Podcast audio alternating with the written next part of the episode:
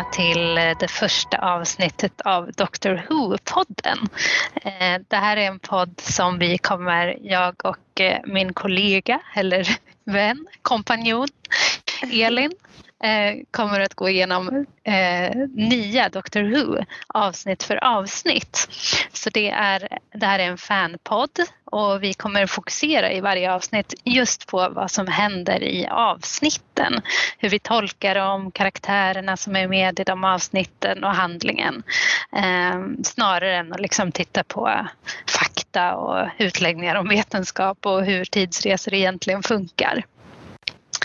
Eh, men hur beskriver vi Dr Who då, Elin? Ja, alltså ska vi först av allt säga kanske vad är det här för avsnitt? För det här är då inte ett typiskt avsnitt utan det är i, de här, i, i våra vanliga avsnitt så kommer vi att prata om olika, av, olika av, avsnitt igen då, av olika episoder av Dr mm. Who. Och vi börjar mm. från början i nya Who med säsong 1.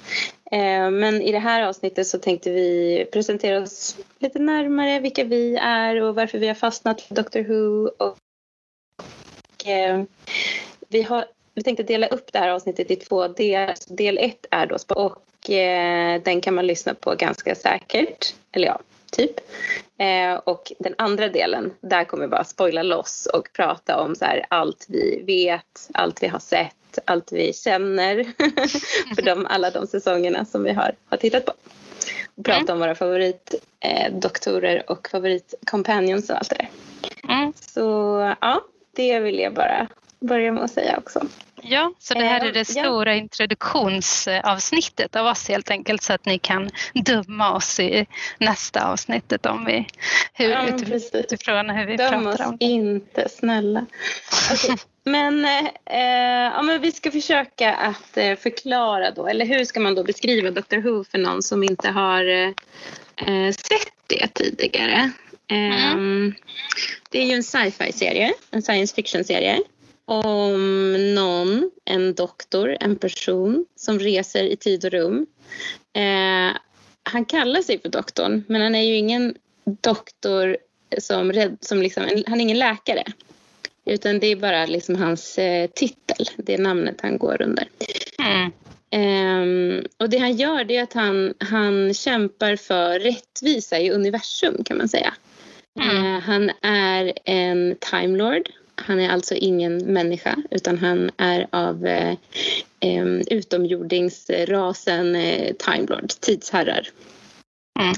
Och vi kan berätta lite mer om vad det är eh, längre fram kanske. Men mm. det de kan göra är i alla fall att de kan regenerera. De kan återfödas i en ny kropp när den gamla kroppen dör. Och varje tidsherre har väl, är det tolv reinkarnationer? Ja, jag tror att det är tolv. Det sägs det är det som är Ja. Kanon. Precis. Och han, eh, kan ju både, han reser i tiden och i rymden med sin eh, TARDIS. Och TARDISen är då utformad som en blå eh, engelsk polislåda. Men det här är ju ganska kul för egentligen så ska ju eh, den ska ju ha liksom som en eh, kamouflage, ett kamouflagesystem så att den ska smälta in i omgivningen. Men mm. det har gått sönder. Just det kan han inte laga heller, doktorn. eh, så att det, den har liksom fastnat i den här eh, 60-talsversionen mm. som, som den fick när han landade på jorden. Som en ung eller gammal rymling. Han var ju någon slags renegade. Eller någon, han, liksom, han trivdes inte bland sina mm. eh, fellow andra tidsherrar utan gav sig iväg. Han liksom stal en Tardis och gav sig iväg till eh, utrymden och så landade han på jorden. Och från början så var han väl ganska rädd tror jag för människorna. Eller han, han var inte så intresserad men sen började han lära känna dem och det, det blev liksom som att jorden blev hans speciella skyddsling kan man säga. Mm. Jag ville bara eh, stanna där för att jag tyckte att det var roligt att du började och liksom prata om doktorn som han och sa det, mm. Eh, det pronomet ganska gånger, många gånger. Eh, och sen så sa du så här hen, hon, han. Mm. Och vad betyder det? För det är ju det här, vad är liksom regenereringen egentligen? Det är ju mm. att personen tidsherren, eh, får en ny kropp. Men det kan ju vara vilken kropp som helst, eller hur? Mm. Precis, och från början så var det väl kanske inte så de tänkte när de skapade serien utan från början var det så självklart att doktorn alltid skulle vara en man. Och det mm. har ju doktorn varit eh, i alla sina tolv eh, återfödslar ända tills nu då när, när, det, när doktorn spelas av en kvinna. Mm. Och jag tror att första gången i alla fall som jag såg att en Time Lord kunde återfödas i, som ett annat kön så det var liksom när Peter Capaldi var doktorn. Och det här har vi nu inte varnat för så det måste vi säga nu direkt att vi, även om det här ska vara den spoilerfria delen så är det ändå så att vi, vi kommer att prata om de olika doktorerna, att det finns mm. och att det kommer att finnas olika doktorer. Mm. Ja, så det får man bara eh, leva med liksom. Mm. Men det känns lite som att det blev en lite rörig sammanfattning här. Vi kan återgå till det här med könet sen. Mm. Jag tänkte bara säga att en viktig del av den här serien då, det är att doktorn har alltid med sig en, en följeslagare, en companion. Mm. Och att det oftast är en ung tjej faktiskt. Mm. mm. Eh, det är inte alltid så, men ofta. Och eh, en människa då som hänger med. Och eh, det är ju liksom funktionen för det är ju att eh, vi som tittare ska uppleva de här äventyren kanske genom hennes, oftast då, hennes ögon. Mm. Mm. Eh, så att vi liksom ska eh, få se TARDISen för första gången och se att den är större på insidan eller att vi ska ja, möta olika nya civilisationer som vi aldrig har hört talas om. Och så. Mm. Ja. Vilken vilken bra beskrivning. För, eh, det är ju det som är premissen, liksom, att den här doktorn åker runt i eh, solsystemet eller olika solsystem och eh, räddar civilisationer helt enkelt. Eh, mm. I sin blåa TARDIS. Eh, och vi ska ju komma tillbaka lite till liksom, varför just det här temat intresserar oss. Eh, så. Men ska vi säga något om oss först, bara kort om vilka vi är? Mm. Ehm, vi är ju två tjejer i, vår, i, i våra bästa år, medelålders. Eh, Elin och jag fyller båda 40 det här året så vi går in i medelåldern starkt med att starta en podd om en science fiction-serie. Eh, och vi är, väl vän, vi är vänner sedan ungefär tio år tillbaka och en viktig del i vår vänskap har jag upplevt i alla fall att det är just att vi tycker om populärkultur och tycker om att, eller älskar populärkultur och mm. tycker väldigt mycket om att prata om det tillsammans, eh, olika serier och, och sånt där och var, hur man kan tolka olika avsnitt och liksom bara åh, vi måste prata om hur spännande, hur bra, hur sjukt det där är. Så där. Mm. Det är ganska vanliga ja, vi, våra vi samtal. Vi fangirlar mycket. Du, skulle, du kan väl presentera vem, vad, du, vem, vad du gör till vardags? ja, det jag tänkte säga var, var att eh, jag bor i Linköping eh, och har bott här i snart ja, 12-13 år. Eh, och det gjorde Elin också. Eh, för några år sedan. Men sen övergav hon oss i Linköping och drog mm. till Kista i Stockholm. Och det finns ju ett stort behov av mig och, eh, hos mig att få fortsätta ha gemensamma eh, ytor med Elin. Så det här är också ett sätt att liksom hålla vår eh, nu geografiska, med, våra med avstånd geografiska vänskap lite mm. vid liv. Ja, vad fint. Ja, men verkligen. Vi har ju ganska mycket digital kontakt. Jag tror att jag, du är nog den jag har oftast mest digital kontakt med. Um, och uh, det känns ju som att vi... Ja, det känns kul att vi kan träffas på det här sättet. mm. och prata om någonting som vi älskar båda två. Ja. Men ska vi säga också, du jobbar ju som forskare. Mm. Och jag jobbar som kommunikatör inom kvinnorörelsen. Mm. Och jag forskar lite. faktiskt lite om genus och jämställdhet också, så just det här med feminism är ju också något som vi jobbar med, eller både intresserade av professionellt och eh, eh, privat. Kan man säga. Precis, ja, och där fick ni också höra att vi kommer kanske anlägga ett feministiskt perspektiv på Doctor Who. Vi får se. Ja, när det är lämpligt, vilket det är ibland. Det är väl jag. alltid. Mm. Mm. Då går vi över på de här frågorna då. När började du titta på? Mm. Elin, när började du titta på Doctor Who och varför? eh, ja, men det, det, mm, det är en bra fråga. Jag tror att det var kanske runt 2000 12 eller något sånt där. Så det var ju när Doctor Who kanske hade sin liksom storhetstid i Sverige. Eh, det borde ha varit när Matt Smith spelade doktorn. Och det var ju flera saker som påverkade. Det var både det att jag hade två kollegor som eh, var ganska nördiga som höll på att prata mycket om Doctor Who och eh, ja, tyckte att det var väldigt bra. Och eh, sen så hade jag också en tjejgrupp. Jag jobbade på någonting som heter Datamuseet i Linköping och jag hade en tjejgrupp där vi pratade mycket om så teknik och teknikhistoria men också, ja, vi pratade väldigt lite om teknikhistoria. Det vi pratade nästan bara om var ju så internetkultur och internetfenomen och fandomkultur. Så då var det ju flera som, som tittade på Dr. Who och tyckte det var väldigt bra av de tjejerna, tonårstjejerna. Eh, så det var väl liksom en, eh, att jag fick, blev påverkad från olika håll att eh, börja titta. Och då såg jag nog första avsnittet eh, i säsong ett med Christopher Eccleston. Jag kanske såg fler, jag vet inte. Men jag tyckte att det var jättedåligt. Jag blev inte alls sugen på att se mer. Men min kollega Allan då, han sa ju att eh, jag skulle börja, han gav mig ett tips. Han, han tyckte att jag skulle börja med säsong fem och se en säsong och sen hoppa tillbaka för sen skulle jag bli biten. Liksom. Mm. Det blir nästan som en utmaning. Så jag gjorde det. Så min första doktor som man liksom kan säga att jag präglades av eller så här, imprintade på det var ju eh, Matt Smith, alltså mm. elvan.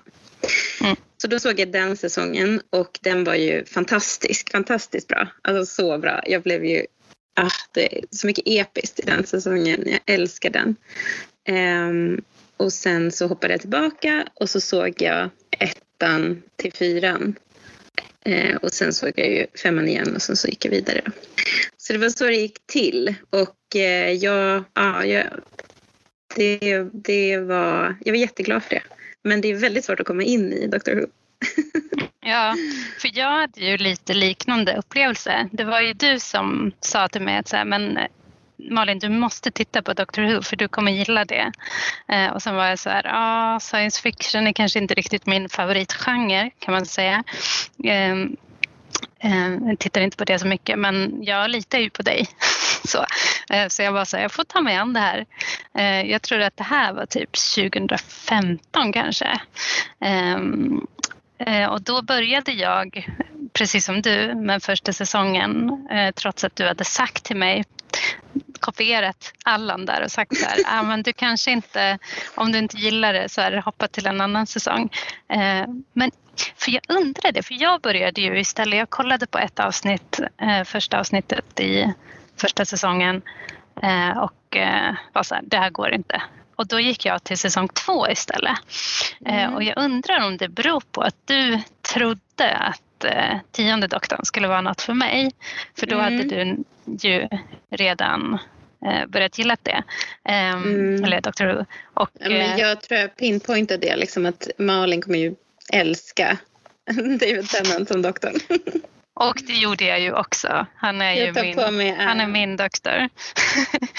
så, så jag fastnade där någonstans. Alltså även säsong två har sina utmaningar kan man säga när det gäller mm. Eh, storylines och eh, specialeffekter och mycket annat. Men eh, doktorn är bra och kompanj, följeslagarna är också väldigt bra.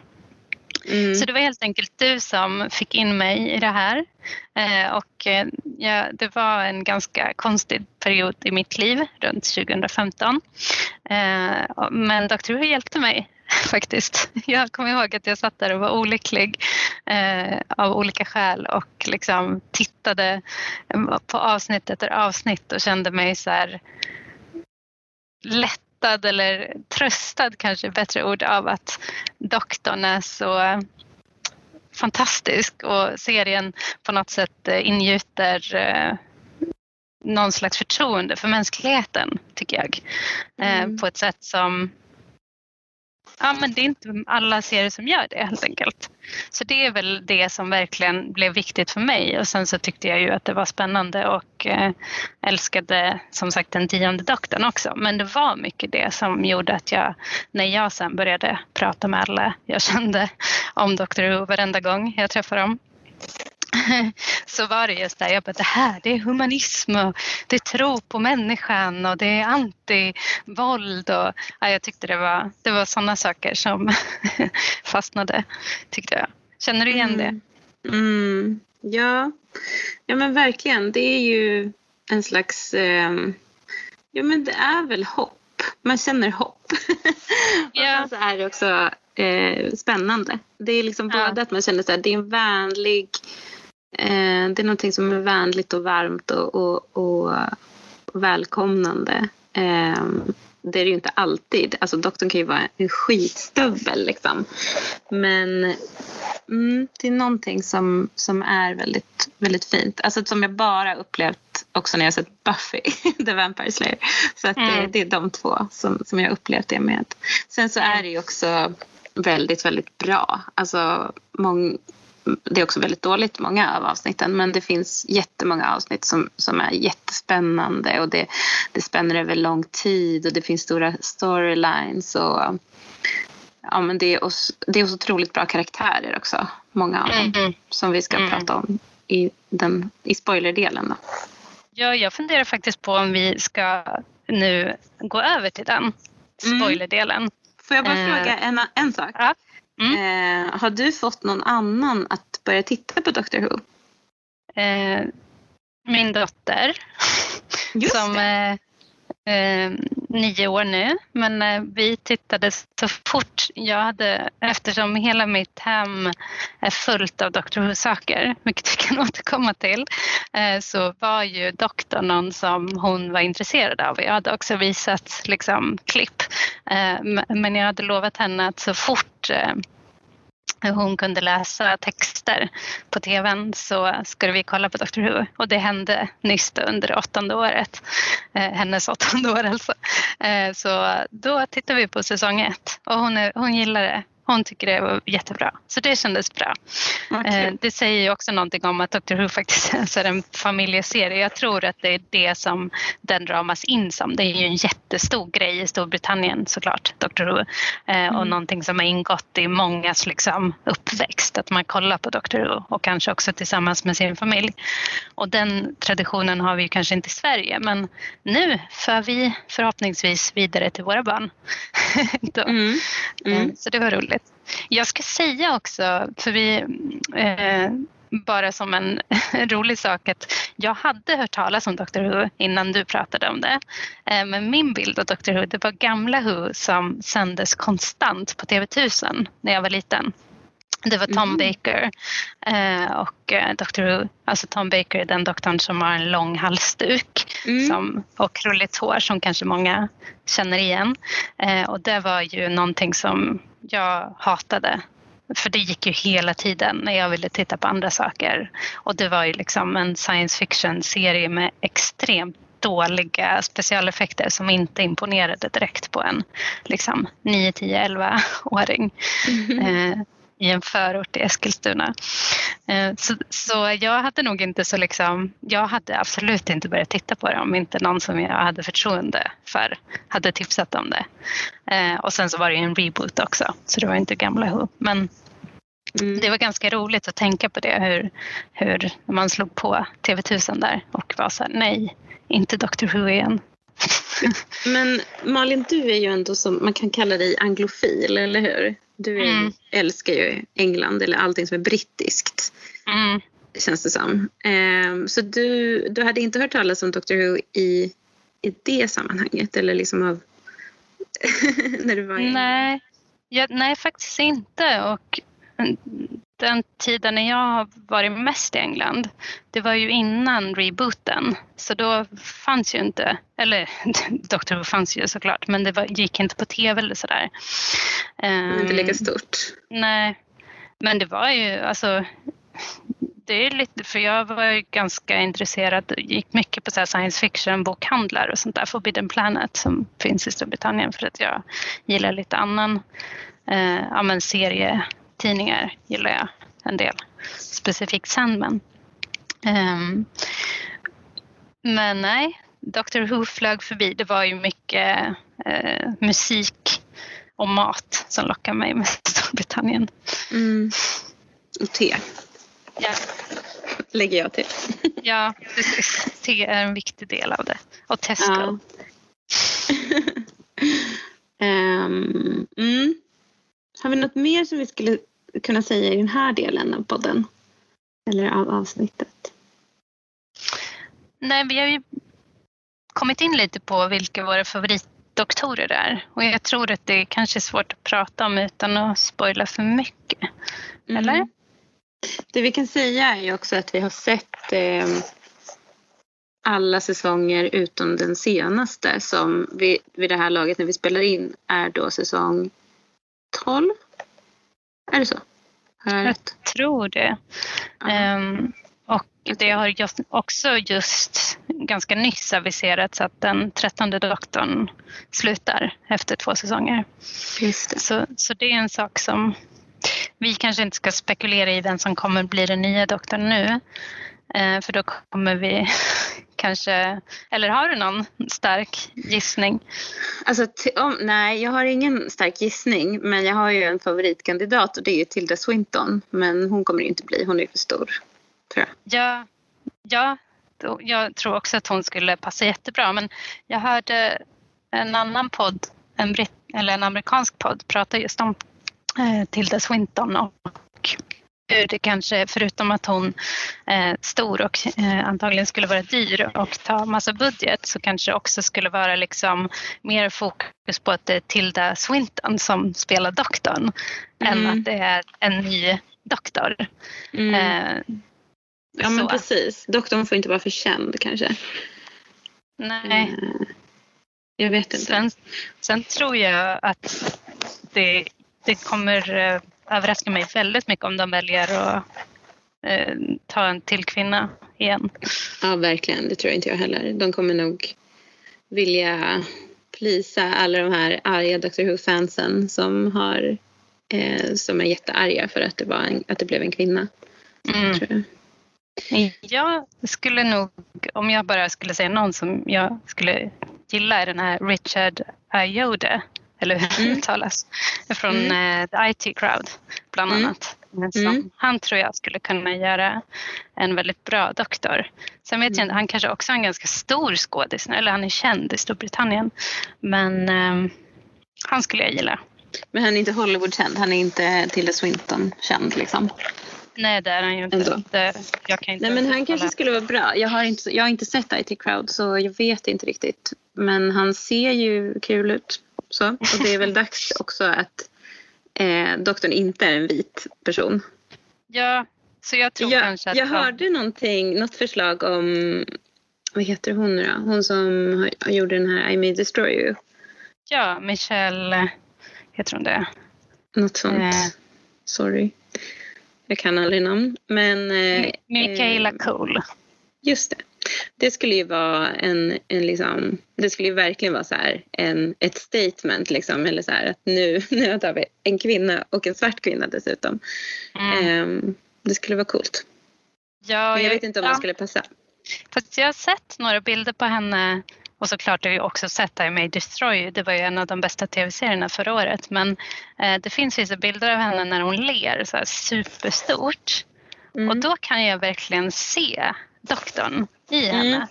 Ja, hon skulle kunna vara den där lite så galna, roliga, lite, hon skulle också kunna vara lite så här tjurig liksom, doktor. Alltså det gillar Mm. man ju när doktorn är lite sträng och tjurig. Mm. Precis.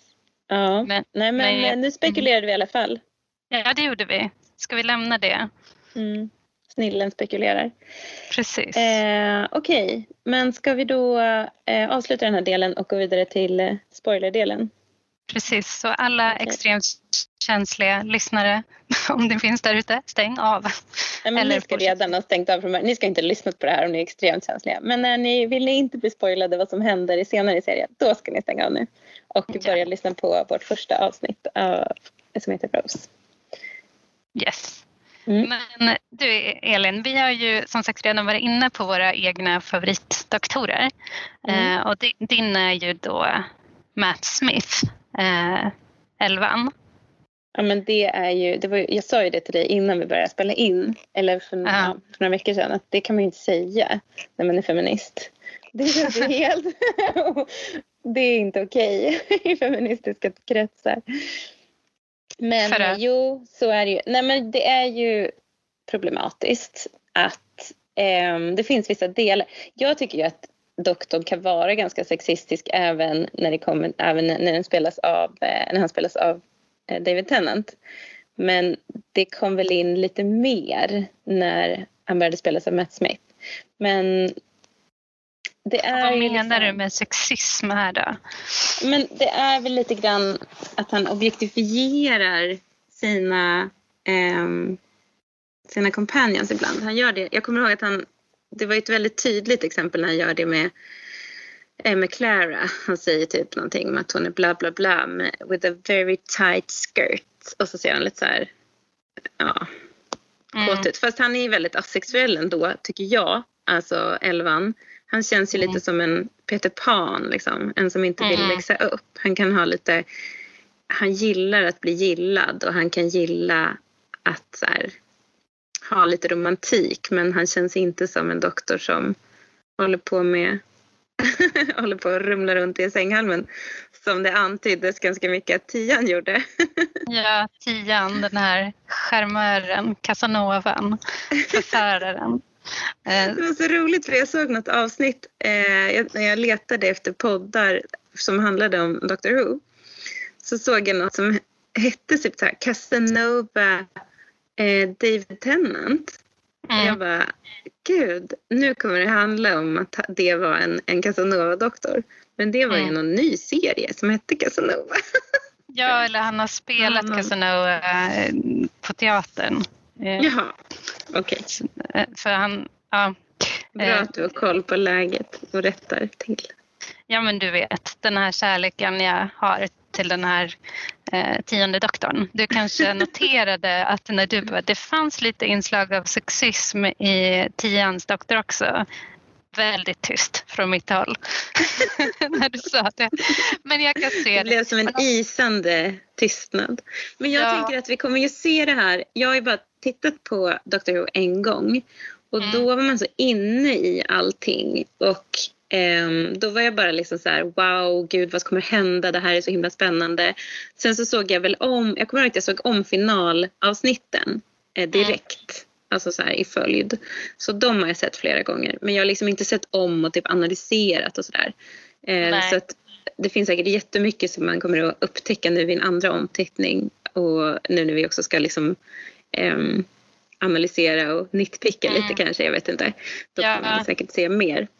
Men jag tror, precis som du säger när det gäller Matt Smith, elfte doktorn, han ska ju vara väldigt rolig och ha så här kvicka kommentarer och liksom um, en jargong. Och där kommer ibland in en så här tråkig liksom, sexistisk jargong där som jag tror mm. går hem hos vissa lyssnare kanske. Mm. Uh, och det har ju inte nian, tian kanske har det som du säger någon gång då och då men det var inget inget så genomgående. Sen skulle inte jag säga att det är liksom att den elfte doktorn är en genomgående sexistisk doktor för då skulle man ju inte titta nej. på det. Liksom.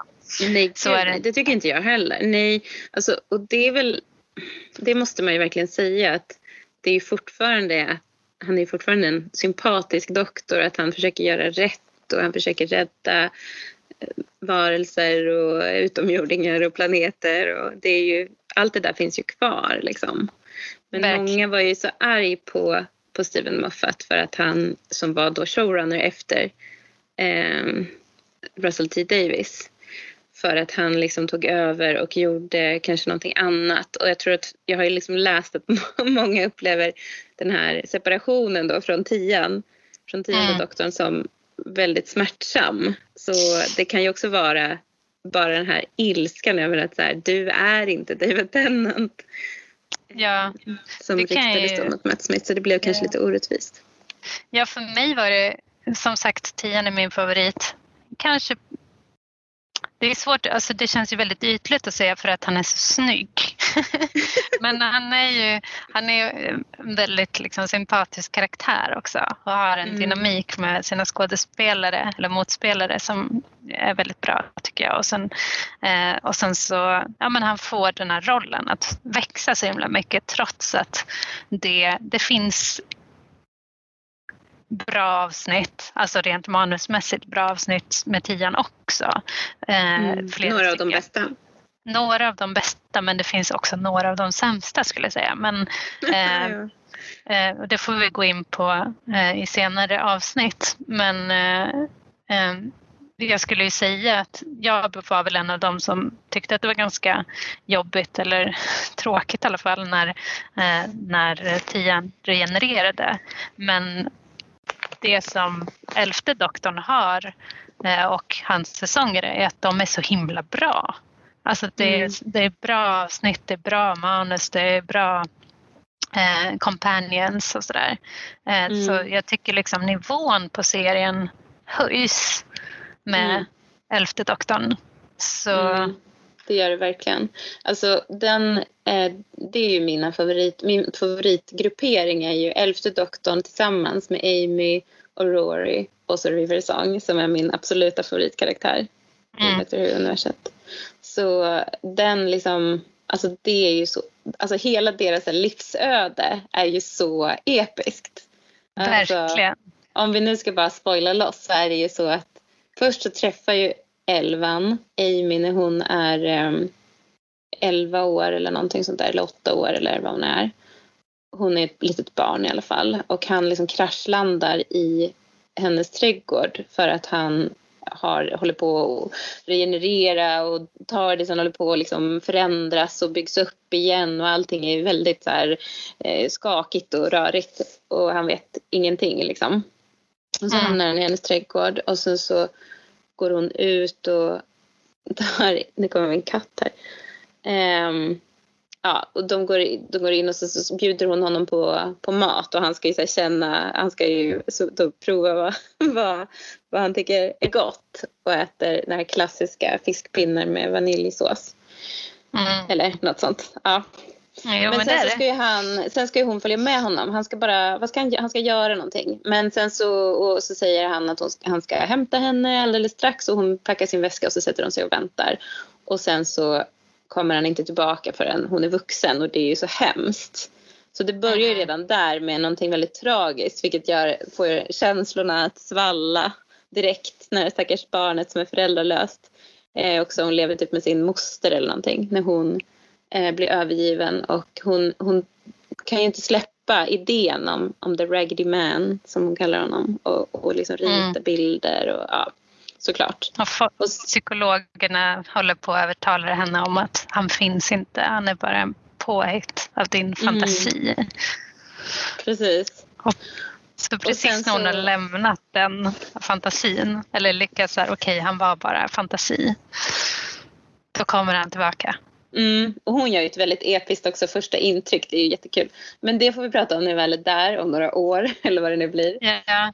Men sen så kommer ju också, sen har ju hon också en eh, pojkvän som heter Rory och som, man då, som jag då först trodde skulle vara ja, men ganska menlös och ointressant. Um, mm. Som hon då ska gifta sig med. Och hon ångrar sig lite grann. Hon vet inte riktigt om hon vill så hon åker iväg med doktorn och så ska hon bara komma tillbaka sen liksom eh, direkt eh, innan, alltså, kvällen innan bröllopet. Men sen kommer ju Rory med i gänget och gör en massa uppoffringar och väntar på henne i 2000 år och det är massa galna saker som händer. Så sen blir de ett så jättefint team som åker omkring. Um, och sen så får de barn. Och det är ju så galet. Och då blir ju det River Song. Och River Song är ju typ halv Time Lord för att hon eh, blev till på Tardisen. Så hon har ju mm. några, hon har några regenereringar som hon får. Jag kan inte mm. det här helt. Men på något sätt så är ju hon liksom, hennes tidslinje går i motsatt riktning mot doktorns. Och hon är ju då, här, den här bebisen som de får kidnappas ju av någon så här hemsk eh, organisation som heter The Silence och ska ju då användas som ett vapen mot doktorn. Så hon ska ju Mm. försöka döda doktorn, så hon blir ju, men istället så på något sätt så blir hon eh, kär i doktorn och de gifter sig. Hon blir hans fru, vilket också är så här helt galet. Så hela den här Mm. grejen är ju väldigt så här, eh, ja, det, det är så många grejer, det är så mycket och det är också att hon, hon växer ju upp tillsammans med sina föräldrar för hon reser ju liksom i tiden på något sätt och blir eh, sina föräldrars kompis. Så hon växer ju upp Mm. med Amy och Rory. Ja, Mm. Det var inte meningen att jag skulle Utan berätta hela den här historien utan att läsa på innan. Men nu gjorde jag det i alla fall. Ja, Mm. men det är Ja, men det jättebra. Och, mm. Ja, men är, det kanske inte är en så bra historia när man berättar den på det här sättet. Men det är ju väldigt häftigt när man upplever det i eh, en bra berättad form. Ja, jag tycker det man liksom hör när du berättar är ju att det är så bra gjort. Eller det finns liksom massa kärlek där och det är massa episka berättelser och liksom det, ja, det är mycket som händer. Men det är också det när man har sett hela Rory och eh, Amys eh, timeline eller det, vad som hände med dem i slutet. Alltså det är så, så hjärtskärande. Så det, ja, men, och Men det, ju slutar ju så. ändå bra för Ja. dem. Alltså även om Jo. de blir tagna av The Weeping Angels och sända tillbaka Mm. i tiden så får de ju ändå leva tillsammans. Mm. Eh, de, de ha- verkar ju ha ett bra liv. De, doktorn träff... Är det inte så att, eller är det här inte i serien? Är det här i någon slags... jo, det är så i serien fast Ja. eh, det som är hjärtskärande är ju att eh, doktorns hjärta blir krossat av det. Mm, ja, och man vet att River Song hon, hon kommer ju liksom inte vara, kunna vara med honom för att så är det bara. Hon sitter ju också i fängelse för att hon har dödat honom. Fast Mm. han inte dog. ja, Ja, det är mycket, är det, ju, det är mycket alltså, med det där. Sen är det ju så fint, alltså det här jul, extra julavsnittet när man då får se eh, River Song när hon eh, träffar den eh, tolfte doktorn. Mm. Precis, och det är så här hennes sista natt typ, eller sista gången de träffas innan hon träffar Mm. honom när det är hans första gång. Och Mm. det är så fint och deras liksom kemi, alltså där känner man ju så här, de två var ju, ännu, var ju mycket bättre eh, matchade på något sätt än Matt Mm, Smith ja. som såg så ung ut och Mm. inte Och hade någon sexualitet. River Song, eh, tre, den, tionde, den tionde doktorn träffar ju också River Song. Men där Mm. Vet man ingenting om vad som ska hända sen. Men man ser ju att de har liksom en kemi med varandra och sådär. Eh, men, Åh, eh, jag älskar det när de träffas första gången. Alltså när, man såg, Ja. när jag såg det första gången hade jag redan sett River Song så jag visste ju att hon var speciell. För jag hade ju sett ja, eh, säsong fem redan och där är ju det avsnittet med där hon kommer och det, änglarna är med där också. Men jag hade ju inte börjat älska henne så mycket som jag gör nu men jag förstod ju att hon var speciell. Eh, och det är så coolt alltså när de träffas. Och så säger hon så här, hello sweetie. Och han fattar ingenting. Men man ser liksom på hans blick, för jag kollade om lite grann på det avsnittet, den här eh, Mm. eh, The Silence in the Library eller vad den heter. Eh, då så, så ser man ju att han blir väldigt så här, lite störd av att han inte förstår. Och hon liksom, hon för, och, och när det går upp för henne att det är första gången han träffar henne, han har aldrig träffat henne förut, så förstår ju Mm. hon också att hon kommer att dö. Hon förstår att det är hennes Mm. sista, ja, det är hennes sista äventyr liksom. Och det är så sorgligt. Men hon Mm. är så heroisk så hon liksom bara så här, ja det är så coolt. Och sen så, så får han se att hon har en Sonic Screwdriver som, som han har gett till henne. Och han förstår att han kan lita på henne. Att, han är, att hon är en Mm. person som kommer vara viktig för honom. Mm. Ja, och sen så har ju, det är väl där också hon har den här eh, anteckningsboken som ser ut som en TARDIS, en blå Mm. anteckningsbok. Eh, och hon hela tiden säger spoilers. Precis, och han Ehm. vill titta på den. Han, vill, han, ser, Ja. han står och tittar på den och han vill gärna lyfta och titta i den. Men hon säger att han inte får det. Och man ser att den är helt fullskriven. Och så Mm. berättar hon ju också så här, har vi gjort eh, picknicken vid det där? Har vi gjort det här än? Har vi gjort det här än? Nej. Så man förstår, man får en massa liksom, ehm, man får en massa teasers inför vad som Mm. komma skall.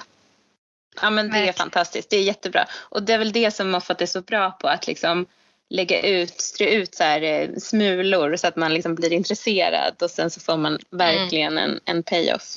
Men mm. sen har han väl just de här jättelånga eh, story, story arcsen eller liksom utvecklingarna är väl lite sämre mm. på att knyta ihop säcken tyvärr. Mm. Men så om du, du har då tolvan är din favoritdoktor och eh, hans eh, elvan. Följeslag, elvan, förlåt. Elvan är favoritdoktorn och eh, hans följeslagare Amy och eh, Rory är dina favoritkompanjoner. Så, och ja. med Ruby Song här då, så de hänger ihop. Ja, eh, för jag har försökt också tänka kring så här, vilka är mina favoritföljeslagare eller min favoritföljeslagare och jag tyckte det var svårt. Jag gillar många. Jag tycker också jättemycket om eh, Amy och Rory och jag gillar också Donna som eh, tionde doktorn reser med. Hon är väldigt cool. Ja, jag tycker också jättemycket om Donna. Det bästa med Donna är att hon inte är kär i doktorn också. Ja, verkligen. Hon är bara så här helt badass. Mm. Men hon är så, eh, så här, en helt vanlig person. Eh, ja. ja. men hon är verkligen så här, en, en vanlig tjej från arbetarklassens England som hamnar i, en, i den här science fiction-serien. Och, eh, ehm, med den här, och blir väldigt bra vän med, med doktorn. Ja, så jag gillar henne men sen när jag tänkte igenom det så tycker jag nog att eh, min favoritkompanion eh, är Bill. Mm. Som eh, inte är kanske en av de mest framträdande kompanjen eller följeslagarna för att hon är ju bara med i några avsnitt. Eh, och hon är en av eh, tolvans följeslagare. Eh, mm. Och Bill, hon är orsaken till att jag gillar henne så mycket är hon, hon har också en väldigt så här, tragisk i och för sig eh, timeline. Liksom. Eller hennes, eh, det, det, är ju en grej med att alla de här följeslagarna, de, deras liv förändras så radikalt på så många sätt av resa med doktorn. Eh, mm. och doktorn förändrar inte så mycket av dem kanske, eller det gör han ju, det kan man ju inte säga. Men, men det är liksom, deras liv blir ödelagda på många sätt. Mm. Sen så kanske de får liksom eh, lyckliga slut på något sätt en del av dem trots det.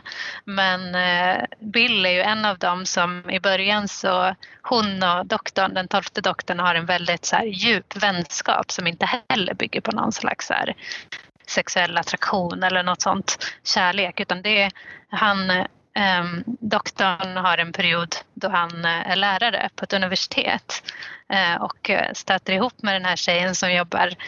hon är inte student för hon har inte råd att vara student men hon älskar att lära sig saker. Så hon jobbar på universitetet och hamnar på något, liksom, av något skäl på doktorns föreläsningar som ju är väldigt speciella. Han föreläser ju på något sätt om rymden och tiden och eh, fysiken men är väldigt liksom metafysisk på många olika sätt. Eh, och eh, de bara delar kärleken för så här, det fantastiska med rymden och eh, allt som händer eh, där. Så att Ja, men jag gillar just att hon är så...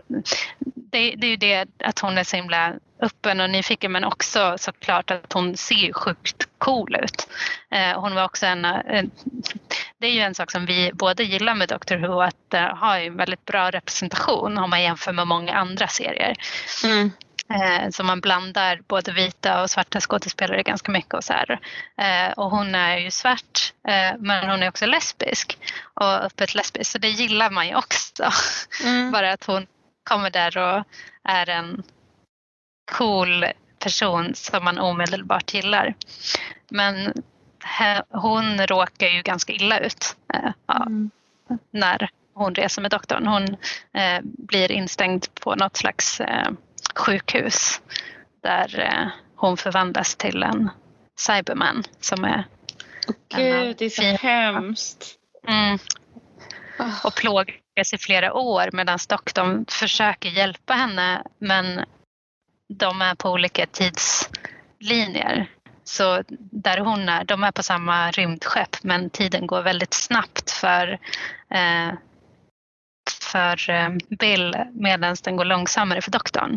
Just det. Så, eller snabbt. Den går Det är ett olika. ganska Så episkt eh, avsnitt faktiskt.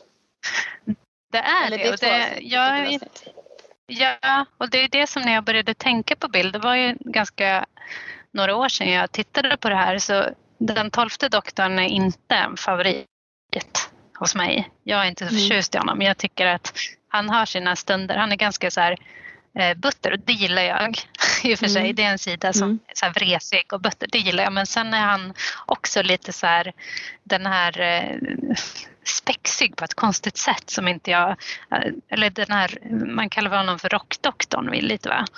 Åh gud, det är så tråkigt när han håller på och ska spela elgitarr och ha Sonic glasses. Ja, Det är så det är störigt. jättefånigt. Eh, Mm. Väldigt störigt. Men när han reser med Bill så är han jättebra. Jag tycker också det. Ja, jag tycker också det finns väldigt mycket bra med honom. Jag tror jag hade mest problem med hans och eh, Claras kemi. Jag tyckte inte det funkade med det paran, ihopparandet. Liksom. Nej, men med vem funkar Clara? Kan man också fråga sig. Ja, nej men jag vet. Det, det var någonting som blev lite knäppt med hennes eh, karaktär. Som, jag vet faktiskt inte vad problemet är. Det kanske vi kommer att komma till när vi kommer dit. Men Ja. eh, någonting, alltså det är en ganska episk början och så när hon är instängd i en Dalek. Fast det är inte hon, eller så är det hon. Och så är hon så här, the impossible girl. Nej men det är ju då Steven Moffat sp- spårar ur helt fullständigt liksom. Mm. Det funkar inte. Det, det hänger inte ihop alls. Men det är ska vi coolt prata- att hon springer. Ja, förlåt. Ja, vi ska ju prata om våra favoritgrejer nu så vi ska Ja, inte fastna i. Sämsta grejer. Okej, men Nej. får jag, då, det var ju, jag gillar också Bill jättemycket. Men vad har du någon Mm. eh, favoritfiende då? Eh, ja, alltså man- man kan väl säga att det finns eh, fyra stora liksom, fiender som återkommer konstant och det är Daleks, eh, och det är Weeping Angels, det är The Master och det är Cyberman. Eh, och jag, jag skulle säga att eh, alltså jag gillar Weeping Angels för att de är så himla läskiga. Men min absoluta favorit och kanske en av de sakerna som jag överhuvudtaget gillar mest med hela Doctor Who det är ju Missy. Varför Eh. gillar du Missy så mycket? Missy är eh, en tidsherre. När Elin, när vi började prata om tidsherrar i, i inledningsvis så sa ju du att det dök upp en kvinnlig tidsherre eh, första gången Mm. eh, i, med den tolfte doktorn. Och det är ju Missy. Och, och hon är så här, hon är fantastisk. Hon är, hon är väldigt ond. Hon är väldigt rolig. Hon är väldigt galen. Och hon är liksom helt utspårad. Och just det där sättet att porträttera en kvinna på dels. Eh, och eh, hon har fantastiska kläder. Hon är rolig. Hon är skotsk. Precis som den tolfte doktorn. Eh, det, är bara, det funkar så himla bra. Och hon, ja, men det är jättebra helt enkelt tycker jag. Jag är inte så jätte... För The Master är ju med även med tionde doktorn. Och det är väldigt bra avsnitt då. Då, har, då är det ju inte Missy utan då är det eh, en annan eh, en annan kropp eller en annan regenererad version av The Master. Och det är bra avsnitt visserligen men jag är inte så förtjust i karaktären i sig för jag tycker kanske att just den här idén om att det ska vara någon som är ute efter doktorn och vill förinta honom som idé tycker inte jag är jättestark. Men Missy funkar Mm. otroligt. Men, men är det inte någonting så här, man kände, jag kommer inte ihåg om, om man känner det med The Master och Tian, att de ändå har någon slags kemi och kontakt och att de Mm. kanske ändå älskar de inte varandra lite grann där. Men man känner ju det mer med Missy eh, och Tolvan. Absolut. Ja, det är Ja. ju någonting, alltså att de, och det blir ju mer och mer, för räddar inte han henne sen? Nu får, får ni förlåta att jag inte har riktigt koll på Jo. läget. Han har väl henne Det- instängd i något valv? Ja, ja, och även det där avsnittet som vi pratade om när Bill blir eh, förvandlad till eh, time eh, till Cyberman så är ju Missy inblandad där. Och mm. där tror hon att hon hjälper doktorn. Eh, men hon har ju lite, vad ska man säga, en konstig eh, uppfattning om vad som är hjälpsamt och rimligt att göra. Eh, så de har lite så här, de samarbetar och hon har den här liksom hatkärleken till honom det, man får intrycket av att Missy framförallt vill vara med doktorn snarare än förgöra honom. Men mm. så är hon helt eh, galen person liksom. Eller galen tids Jag tycker att här, här återkommer ju diskussionen om kön. Eh, mm. För att det är ju som att när i tidigare eh, liksom avsnitt då, när, när, båda, när både doktorn och The Master är män och så tänker mm. man inte alls på det för att det är klart att de är det för mannen är norm. Då mm. finns det ju inte någon jättestark sexuell laddning. Det, har, det finns ju ingenting som är liksom skrivet i manus att de ska ha en laddning. Mm, tror jag. Nej. Men man kan väl läsa in det kanske om man, om man vill. Om man har en lite queer mm. tolkning av det. Men sen när, när, när The Master blir Missy då, eh, då, då uppstår det ju någonting där. Och då finns ju det också inskrivet i serien. Då är det Verkligen. kanon liksom. Ja. Men så, det som är intressant... Det är ju intressant att det blir så. Alltså doktorn, har du upplevt dok att doktorn någon gång när han är man är intresserad av andra män? På samma sätt som han är intresserad av kvinnor?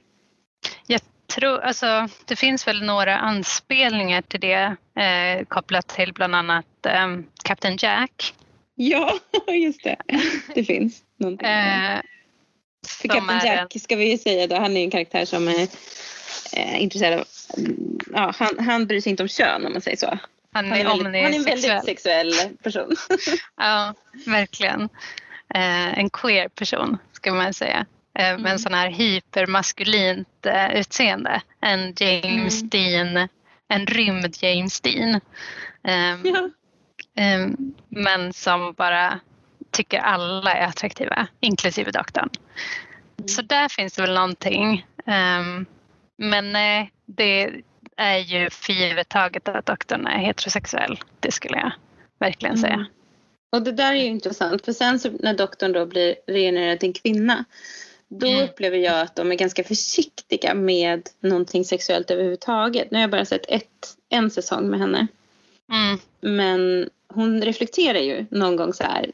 För de, är ju, de åker tillbaka i tiden till när det är häxjakt. Och hon blir då anklagad för att vara häxa. Mm. Och då säger hon så här, oh, det här skulle aldrig ha hänt när jag var kille. Just det. Eller när jag var man. Um, så det, de tar ju ändå upp sådana saker i, i den serien. Men, men de är ju, det är inte som att de bara, åh nu är det fritt fram för doktorn att träffa killar. det skulle alla tycka var jätteobehagligt. Ja. Vad tycker du om det? Tycker du, hur tycker du det ska vara? Eh, menar du eller om ska, jag... Eller ska doktorn liksom, men det är inte, egentligen inte det, jag vet inte. Varför blir det liksom för givet taget att allting ska vara heterosexuellt? För att eh, om doktorn nu liksom, ja men till exempel då, tänk om doktorn hade träffat River Song, alltså den mm. trettonde doktorn träffat River Song. Och så mm. hade, det hade ju varit coolt. Då hade de varit, då hade ju de varit gifta, alltså ett gift lesbiskt par eh, plötsligt. Eh, vad händer med det liksom? Det, kärleken ja, mellan dem finns ju... kvar säkert. Måste ju göra det, för det gör den ju mellan de andra generationerna. Verkligen. Det hoppas jag. Nu har inte jag sett den sista säsongen heller men jag har i och för sig inte sett att, äh, heter hon Alex Kingston, mm. äh, är tillbaka där. Men eh, nej, det skulle varit väldigt bra. Så som jag skulle, om jag tänker liksom kring doktorn, jag är inte så förtjust i när han är förälskad i sina companions eller när det är så här romanser. Nej, eh, som vi har pratat om att även om det om vi ska prata om favoritavsnitt också så är ju det i och för sig väldigt romantiskt, mitt favoritavsnitt. Men eh, och bygger på eh, heterosexuell kärlekshistoria eh, mellan doktorn och en annan kvinna visserligen. Men, eh, men vilket är men det igen, då? Eller vill det till det sen? Nej, men jag kan ta det nu. Eh, det är Family of Blood som jag brukar tjata om. Det är ett dubbelavsnitt. Jag kommer inte ihåg vad jag kallar det för Family of Blood men det är två avsnitt. Det såg ju vi när vi var i Cardiff. Ja, för att det är det bästa avsnittet. Mm. Eh, där doktorn och eh, eh, gud nu tappar jag hennes namn, eh, Martha, eh, companion som reser med den tionde doktorn, eh, åker, de är jagade av en eh, varelse som vill eh, ta doktorns energi för att kunna leva vidare. Eh, men doktorn vill inte såklart att de ska ta hans energi men han vill heller inte göra slut på dem för han tycker att de ska få leva sina korta liv. Så istället åker de, eh, doktorn och gömmer sig. Han förvandlar sig till en människa under en period och han och Martha lever, jag tror att det är på typ 40-talet kanske, eh, mellankrigstiden i England på en skola där mm. doktorn jobbar som lärare och Martha jobbar som hushålls eh, assistent typ. Eh, och där pratar de också om ras lite på ett intressant och lite avfärdande sätt i och för sig men det är i alla fall en grej där. Det, det får vi prata mm. mer när vi väl kommer till det avsnittet. Men det som mm. händer då är att doktorn får pröva att vara människa och eh, hur det är att skapa långvariga relationer till en annan människa. Han blir kär i en annan lärarinna och de gifter sig.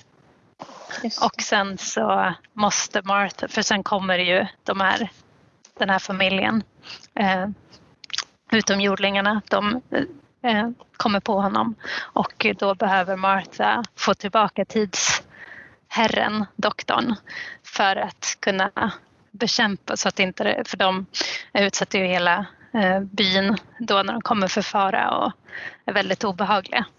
Och då mm. måste doktorn liksom välja mellan sitt tidsherreliv och sitt människoliv och det är så himla episkt och romantiskt. Mm. Mm. Eh, eh, så han det är inte kärleken. Nej. Så det är inte så romantiskt kanske. Men det är hjärt, hjärtskärande. Det är hjärtskärande. För det var ingen lätt val. Och man ser hur han plågas. Man ser också, vilket jag tycker är också en viktig del för mig i Doctor Who, är hur doktorn hela tiden behöver göra väldigt svåra val kring att döda vissa människor och låta andra leva. Han måste bära världen, civilisationen, eh, rasers eh, på sina axlar. Och mm. det, är, mm. det, är, inte lätt. Eh, och alla de sakerna läggs på honom där i, mm. i de mm. avsnitten. Så ja, det är mina, det är mitt, mina favoritavsnitt. Ja. ja, men jag gillar också sådana avsnitt när det är mycket olika svåra val och starka känslor. Ja. Har du något favoritavsnitt som du är så det här är mitt det bästa avsnittet? Jag vet faktiskt inte. Jag tycker ju om typ alla avsnitt med River Song. Ja. Och, eh, men sen naturligtvis Blink är ett fantastiskt avsnitt. Det är ju mm. också ett ganska annorlunda avsnitt. Det känns ju som ett, det känns nästan som en, en liten film men det är då mm. man träffar The Weeping Angels för första gången, i alla fall i, i omstarten. Eh, ja. Så den är ju väldigt, väldigt bra också. Det är också ett favoritavsnitt för mig måste jag säga. Ja. Um, sen kommer jag ihåg, um, alltså, jag tror många av de här olika finalavsnitten har jag också tyckt väldigt mycket om. Um, mm. Och tittat om på flera gånger. Jag tycker väldigt mycket, jag, älskar, om vi pratar, när vi pratar om villains, alltså eh, fiender. Ja. Och ja. Eh, där, en, jag tycker ju Weeping Angels, de är ju jättebra. Det är ju en, en favorit eh, för att mm. de är mm. så otroligt läskiga. Mm. Fast sen så det de gör är ju inte att döda en utan de skickar tillbaka en i tiden så man kan ju få det okej. Okay. Fast det är ju hemskt att bli bortskickad i tiden såklart. Tänk om man skulle bli mm. bortskickad hundra år från sin familj och aldrig få komma tillbaka. Mm. Nej, det vore ju hemskt. Ja, men, men det så... framstår ju nästan som att det är mer läskigt än vad det faktiskt är ja. i serien.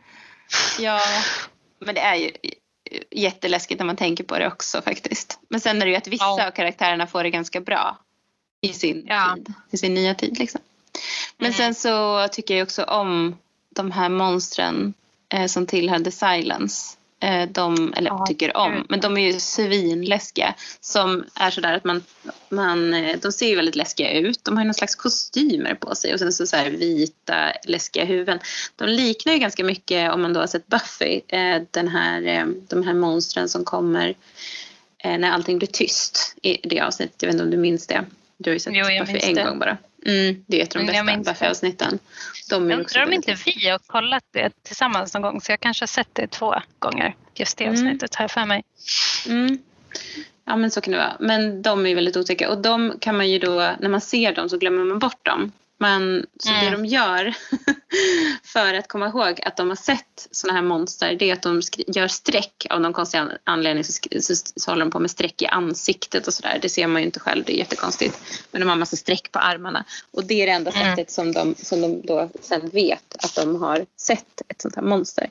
Så de, det Mm. tycker jag är, är, är väldigt coolt. Eh, spännande. Det känns som att det är lite snott från den här filmen Memento eller vad den heter. Han, han som hela tiden glömmer bort eh, saker och ska Just lösa ett mysterium och så tatuerar han in saker på sin kropp för att komma ihåg det.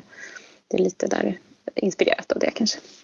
Ja men de är väldigt bra tycker jag. Och så de Mm. avsnitten gillar jag och när, men kanske Heter den så här A good man goes to war? Nej, heter, avsnitt kanske inte heter så. Men det är ju avsnittet där när, när River Song föds och sen som man, och bebisen då blir kidnappad. Och eh, Mm.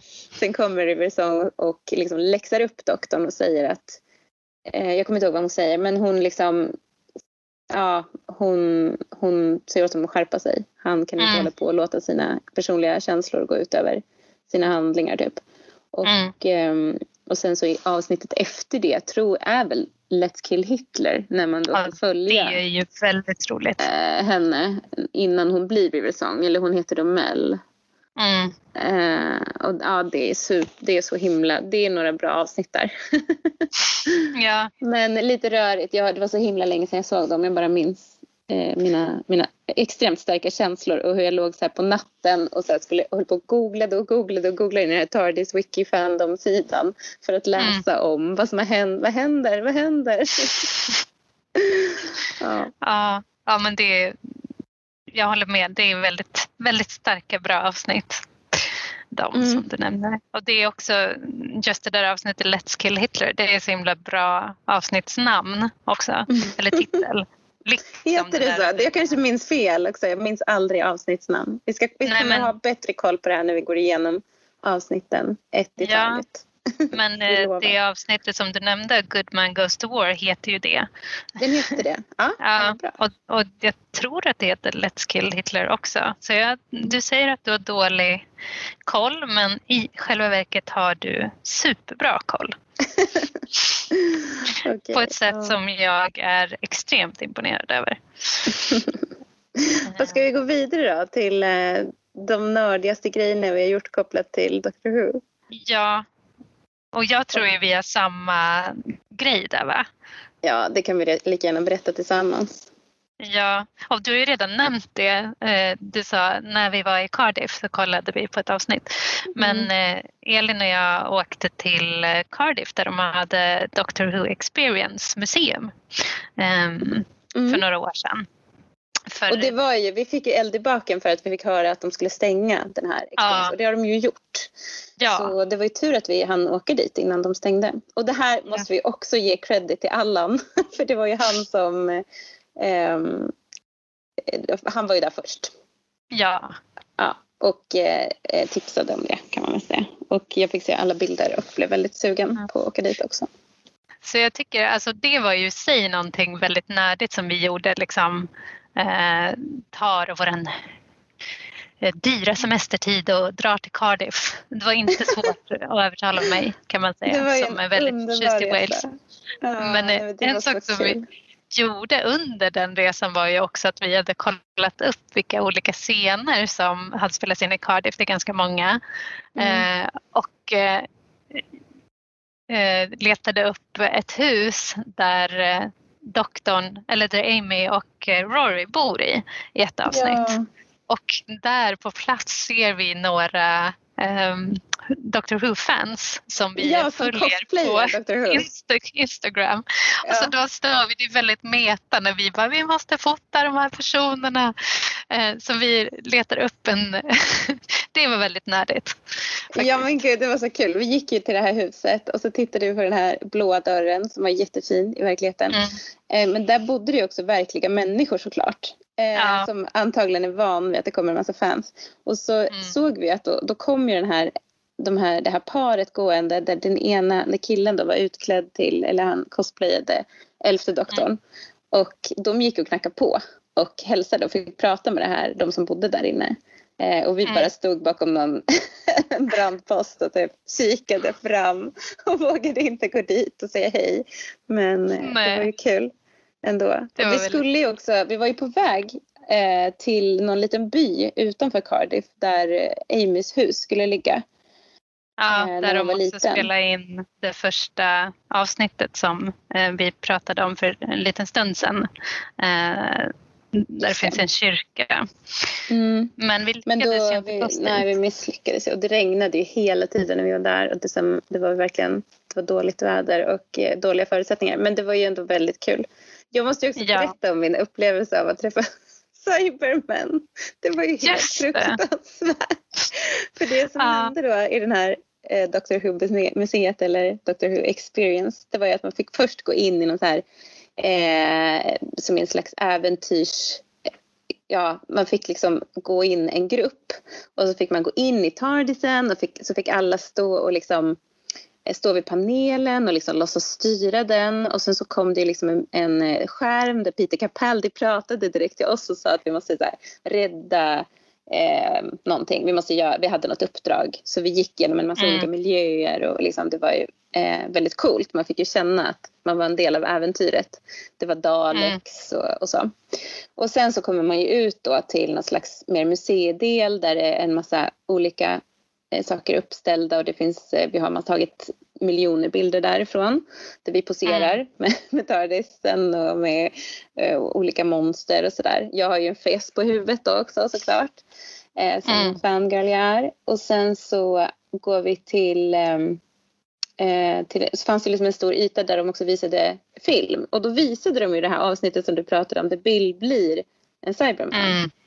Mm. Så vi får se, vi tittar på hela det avsnittet som är liksom en slags bio.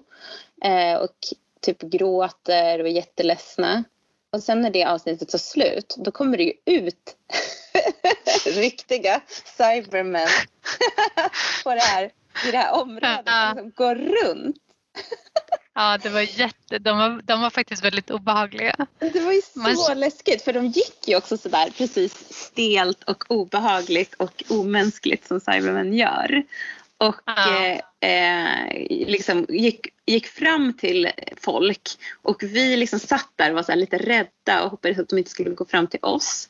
Och sen så mm. gick vi av någon anledning och vi har ju precis sett också det här hemska avsnittet så man var ju liksom inne i den här världen så det var väldigt väldigt mm. coolt också. Man fick ju, mm. eh, det var ju lite surrealistiskt.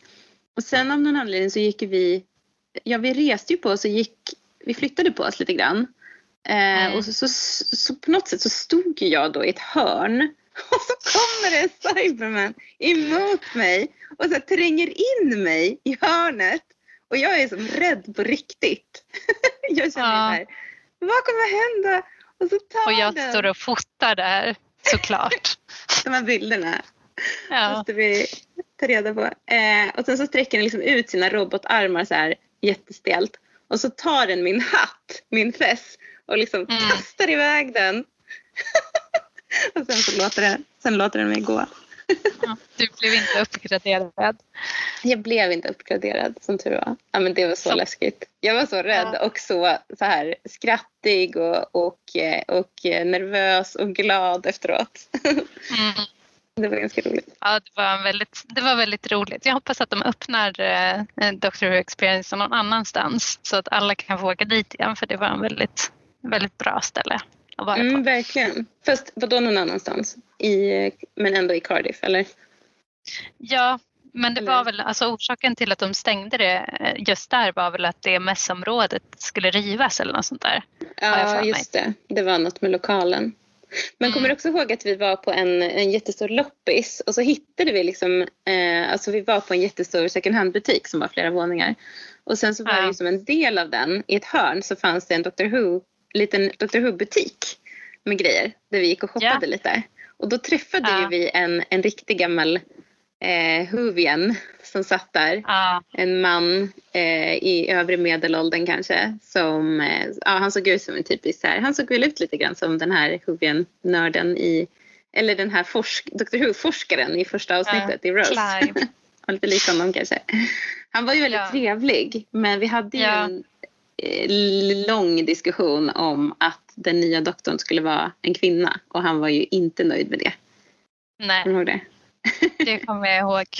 Jag köpte också en eh, liten eh, tionde doktor actionfigur där. Som nu ligger i en burk hemma. Eh, Det en genomskinlig glasburk. Ja. Men jag har ju väldigt mycket Doctor Who ehm, vad heter det? Doctor Who-saker helt enkelt. Fandom-saker. Det, det är som att det aldrig tar slut. Um, och jag tycker också det var en rolig sak eh, när vi var på The Doctor Who Experience så var vi i shoppen. Eh, en fin shop såklart med massa roliga saker att köpa och sen så ser jag en så här en eh, väldigt snygg ung man och var så här, oh vilken snygg person. Och vad har han för t-shirt? Så har han en t-shirt som det står straight out of Gallifrey på. Ja! Och då tänker ju jag givetvis så här, den där t-shirten måste jag ha. Mm. Och eh, gick hem och köpte den. Eh, så det är min reaktion till att se så här snygga män.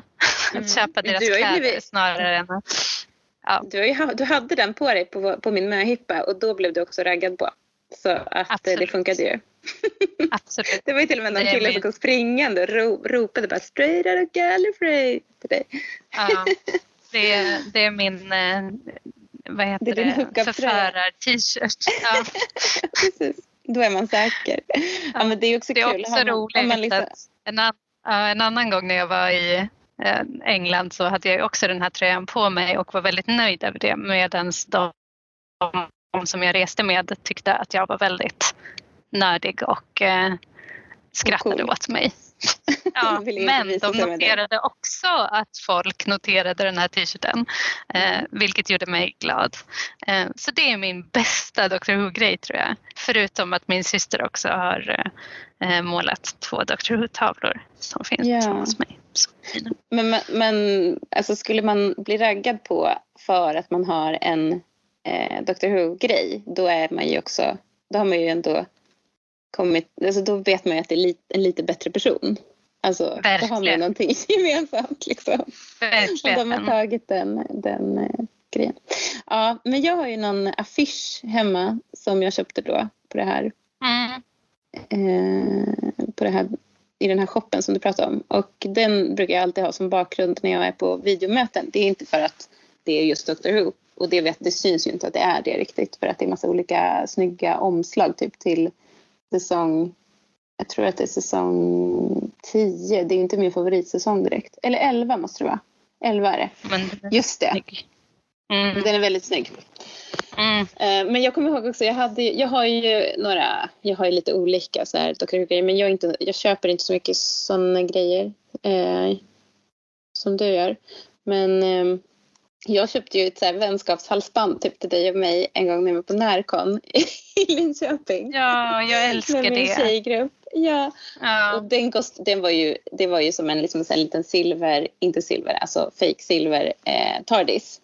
Som man Mm. hade som halsband och så köpte jag två då likadana för man kunde köpa två, det var typ två för 120 spänn eller någonting, det var skitbilligt. Mm. Ehm, Den och hade jag ju på mig såklart när vi var i Cardiff. Ja, den har ju tappat sin, sin färg om man säger så. Men det var så Ja. roligt för jag hade den på mig när jag jobbade på, på museet i Linköping. Och då kom så en ganska, eller en väldigt hög chef och bara Oh, det där smycket, är det från? Och så sa han något så här, ja, fint, mm, liksom smyckestillverkare i Linköping. Jag bara, ehm, nej. jag tyckte det var så roligt. Ja, jag fick en Ja, komplimang. men det ser classy ut. Det är väldigt, all, all, alla Dr Who-grejer ser ju väldigt classy ut. Ja, visst gör de. Eller inte. Ja, Eller inte. ja. Ja, nej men det är roligt. Det, men vi Mm. fick inte så mycket kontakt med andra Whovians när vi var på den här resan, fanresan. Vi var kanske lite för blyga för det. ja nästa gång. Ja, precis. Man vet inte heller om man vågar med tanke efter att vi hade träffat den där mannen som var emot kvinnliga Dr. Who's. Eller kvinnliga doktor. Nej. Um, ja. Har vi någon mer fråga? Ja, en fråga som jag verkligen, alltså som vi måste prata om innan vi avslutar, det är ju så här, om du fick resa i tiden, skulle du resa bakåt eller framåt? Ja, jag tänker ju så här att det, man är kanske lite tråkig om man reser bak i tiden. Men att resa fram i tiden känns ju bara otäckt och ångestladdat. Det vill man ju inte göra. Eller jag vill absolut inte göra det i alla fall. Jag tycker det känns bara som eh, skräck. Men det kanske är att jag har en ganska dystopisk framtidsbild också. Med tanke på ja, alla finns, klimatförändringar. Ja, och det finns väl inga av de framtidsavsnitten i Dr Who som ger en en ljus bild av framtiden heller. Nej, nej, nej det är det väl inte heller riktigt. Fast det är ändå som att i det här um, The End of the World som vi har mm. sett alldeles nyligen, som är eh, det andra avsnittet i första säsongen, så är det ju ändå som att ni klarar er väldigt, väldigt länge till. Alltså jorden finns kvar och människorna överlever och, och så. Även om jorden mm, går under i det avsnittet det. så är det ändå fem miljarder år i framtiden. Mm. Så det är ganska optimistiskt kan man väl säga. Nej, jag vet inte. Jag skulle nog hellre vilja åka tillbaka i tiden i så fall. Men jag tycker det är svårt. Jag tänker så här, när jag tänker mig att jag skulle resa tillbaka i tiden då vill man ju absolut inte resa tillbaka och råka fippla med någonting som man förstör någonting. Det låter ju otäckt. Mm. Um, man vill ju inte göra som i Tillbaka till framtiden och råka göra så att föräldrar inte blir kära eller någonting sådär. Det vore jobbigt. Så uh, man får åka lite längre. Men annars så, efter att ha läst uh, den här Lydia Sandgrens samlade verk i somras så hade man ju väldigt gärna åkt tillbaka till 80-talets Paris och hängt lite i så här konstnärskretsar. Det, lät, det, var ju det var en härlig värld att vara i, tyckte jag. Ja. Um, och det är väl sådana man kan tänka sig så här. När jag var liten då läste jag precis som jag vet att du gjorde, Kulla-Gulla. Och ja. jag var ju helt inne i Kulla-Gullas värld. Och då var jag så här, hade nästan, jag var nästan deprimerad över att jag inte kunde komma till den världen. Jag ville så himla himla gärna resa till hennes tid. Och det utspelar sig ju bara ja. 1900-talet eller något sånt där? Ja, så det... Ja. Men då kom jag att min mamma pratade med mig och sa så här, men många hade det väldigt dåligt på den tiden och skulle vi ha levt på den tiden skulle vi nog inte ha varit någon av dem som hade det bra utan vi hade nog varit de som, någon av dem som hade varit hungriga och varit fattiga. Mm. Mm. Det kommer jag ihåg väldigt tydligt. Så skulle man, man skulle ju inte bara vilja resa tillbaka i tiden utan man skulle vilja resa till en specifik setting kanske. Typ som... Ja, jag skulle ju åka och se The Joy Division. ja, just det. Bra, bra svar sa men också Death Joy Division.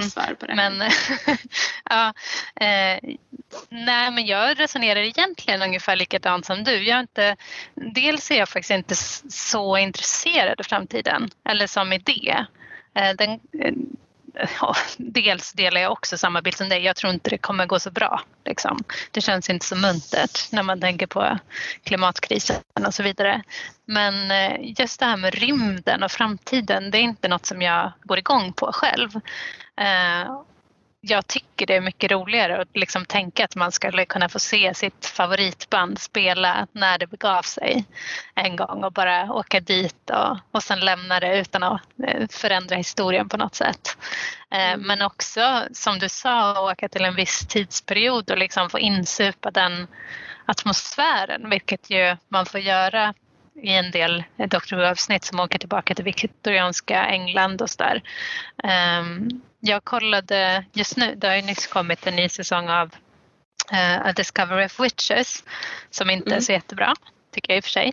Men uh, där i säsong två då, nu blir det spoiler i även i en annan serie, uh, då har de åkt till 1500-talet. Mm. Och det är väldigt, de har väldigt snygga kläder.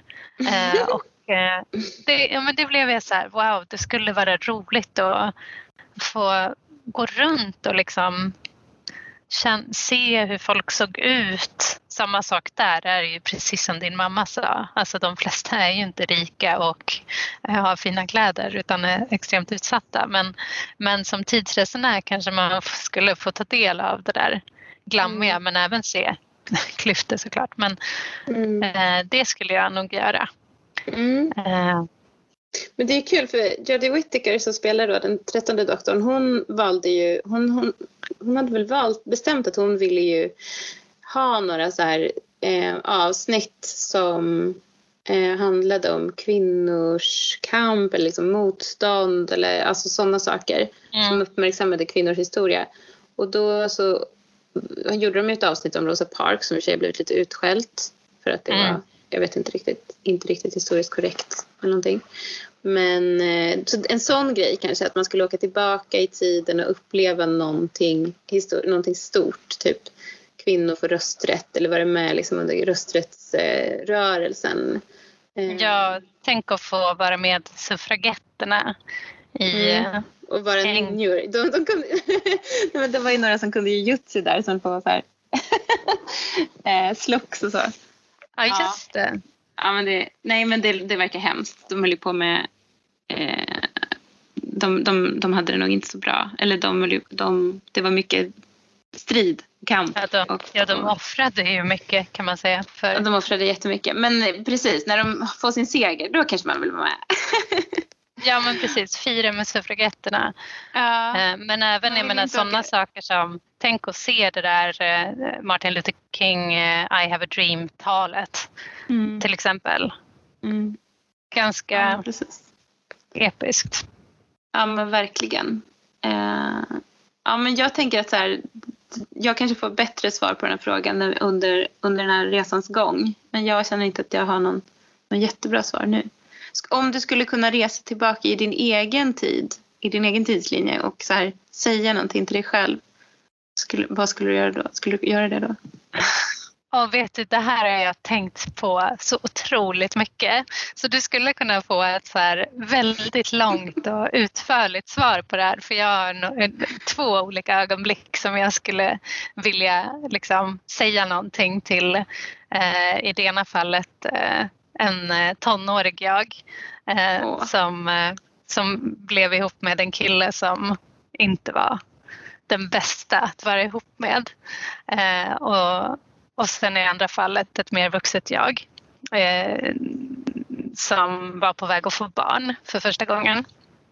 Så det, det, men det är de här, när jag ofta tänker tillbaka på mitt liv, är det ju de här situationerna kanske man känner så här, här hade jag behövt höra vissa saker. Mm. Um, som jag... Men jag Vad vet hade du sagt till dig själv när du var på väg att få barn? Vill du berätta ehm. det eller är det jobbigt? Det är jobbigt, det är väldigt privat känner jag. Men det handlar om liksom hur, hur, ta hand om den första tiden med ah. eh, dels med barnet, eh, min dotter då, men också med min eh, dotters eh, pappa.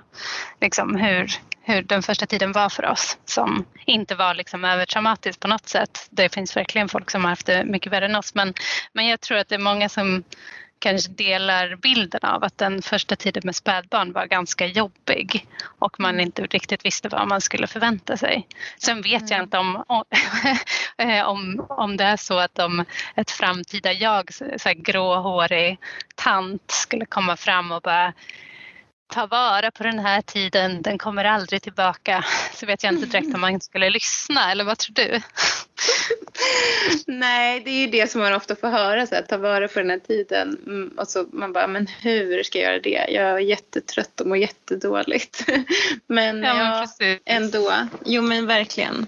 Nu, men sen tänker jag så här, om du skulle, den som du är idag, nästan 40-åriga mm. Malin, åkte tillbaka och träffade typ 31-åriga Malin eller vad det var. Mm. Då hade ju inte du tyckt att du var en gråhårig tant. Då hade du tyckt så här, shit vad cool jag ser ut. Tror jag. Tror inte ja. du det? Absolut. Good work, det får jag Malin. Ja, jag blir ju bara coolare och coolare ju mer tiden går. Vad är det där för coola örhängen? Vad kommer de? Vad är det för fandom? Som jag Ja, men sett fram emot. Vad är det för t-shirt du har? Straight Vadå? Gallifrey? Ja. Mm. Mm. Eh, Du då? Finns det någon eh, specifikt ögonblick du skulle resa till i din egen tidslinje? Alltså jag har inget bra svar på det. Jag vet ju att du brukar tänka på sådana saker så det var därför jag frågade. men Ja. jag, eh, nej men jag är så rädd för att, jag skulle, jag skulle typ inte våga eh, förändra. Jag skulle vara så Mm. rädd för att förändra livet liksom. Vad som leder hit. Men Ja, för nej. om Ja. jag verkligen ska så här svara på den här frågan väldigt nördigt så har jag också kommit fram till att det är för läskigt att eh, eh, om jag då skulle åka till mitt eh, eh, nyblivna föräldrar-jag, vad ska jag då komma tillbaka till då? Mm. Eller kommer Ja, jag se liksom mitt nutida jag bara raseras om nu mitt eh, dåtida jag faktiskt skulle lyssna på vad jag sa Mm. och förändra något. Och det kändes så himla obehagligt på något sätt för att det nuet man är i oavsett om man kanske skulle vilja ändra på vissa saker så är det ju ändå det man har. Och, Mm. eh, ja, Okej, nu blev vi väldigt eh, filosofiska här. ja men precis, man vet vad man har men inte vad man får riktigt. Mm. Men skulle det, Mm. okej, en sista fråga då. Om, eh, Mm. om tionde doktorn landade utanför dig eh, på gatan när du var på väg till jobbet och frågade om du ville följa med, skulle du följa med då? Självklart. Och bara få resa med den tionde doktorn. Alltså i realiteten om en doktor som jag inte visste vem det var, om den tionde doktorn kom så skulle jag bara yes, jag följer med. Men jag är ju inte en så modig person så att jag skulle följa med någon. Jag Nej. skulle heller inte vara en bra kompanjon tror jag. Eller Jo men det följeslagare. tror jag verkligen att det skulle vara. Det skulle vara en jättebra kompanjon. Speciellt i tian. Du då, om eh, Matt Smith, doktorn, den äldste doktorn kommer och bara Elin, det är din tur nu. Jag hade ju en dröm.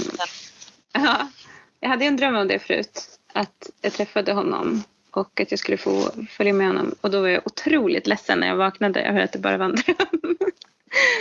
Ehm, jag var verkligen så glad. Och det kändes så här fantastiskt. Men nej, det skulle jag ju inte göra. För att jag skulle inte vilja lämna min familj. Jag har ju två små barn och en man. Inte ens som doktorn sa att här, du kan komma tillbaka om en timme i deras liv. Inget skulle Ja. vara förändrat. Alltså, om, jag- hade sett, jag vet inte, men om man har sett Dr Who så vet man att det är inte så. Utan de råkar jätteofta i, ut för hemska, livsfarliga saker som jag inte tror att jag skulle komma levande ur. Så jag tveksam. men för poddens Ja. skull så säger så, ja, jo. Om vi hade startat den här podden då kanske jag hade sagt ja för då hade jag fått så himla bra material. Absolut. Dåligt svar. Smörigt svar. Smöra för podden. Ja. Men vi måste ju vara våra lyssnare plisa dem, eller hur? Ja men precis. Men Än så länge så har jag en lyssnare och det är min katt som ligger här på Ja. mattan bredvid och tittar bort. Han, han skäms över vad jag håller på med. Men eh, ja, det är i alla fall en lyssnare.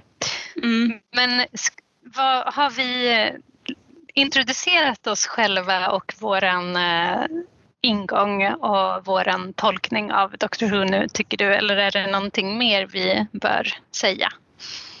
Alltså det har ju blivit ett ganska rörigt avsnitt. Jag hade nog inte alls, jag kanske hade behövt planera lite mer vad jag skulle säga. Eh, jag ber om ursäkt för det. Men eh, jag tror att vi har sagt ganska mycket av det som vi skulle behöva säga.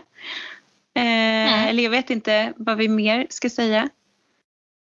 Faktiskt. Nej, egentligen känner du? bara så här att ja, nej men jag tycker det själv. Jag, tycker det är jättekul att prata om de här sakerna. Eh, Mm. Så, så jag tycker jag har haft ett roligt samtal helt enkelt.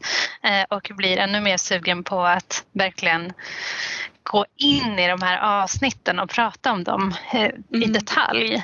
Mm, det Eh, ska bli jätteroligt. Ja, och jag Även längtar efter... Första avsnittet inte är så jättebra.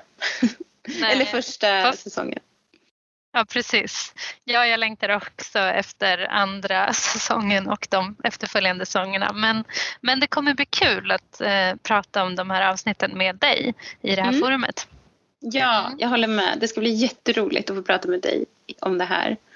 Och eh, jag tror att vi kommer upptäcka en massa saker som vi inte har sett tidigare och det kommer vara väldigt roligt. Ja, det, det är jag helt övertygad om. Så mm. det här är vårt första pilotavsnitt kan man kalla det. Och eh, mm. i nästa avsnitt så kommer vi då att gå igenom första avsnittet i första säsongen av Nya Who. Eh, där nionde doktorn som spelas av Christopher Eccleston introduceras. Liksom hans följeslagare Rose Tyler. Som spelas av Billy Piper. Yes. Mm. Och med det så säger vi adjö. Okej, det var tjusigt. Ja. ja. Vi kanske får avsluta med våra doktorers uttryck då, eller så catchphrases. Jag får säga yeah. Geronimo. Och jag får säga Allons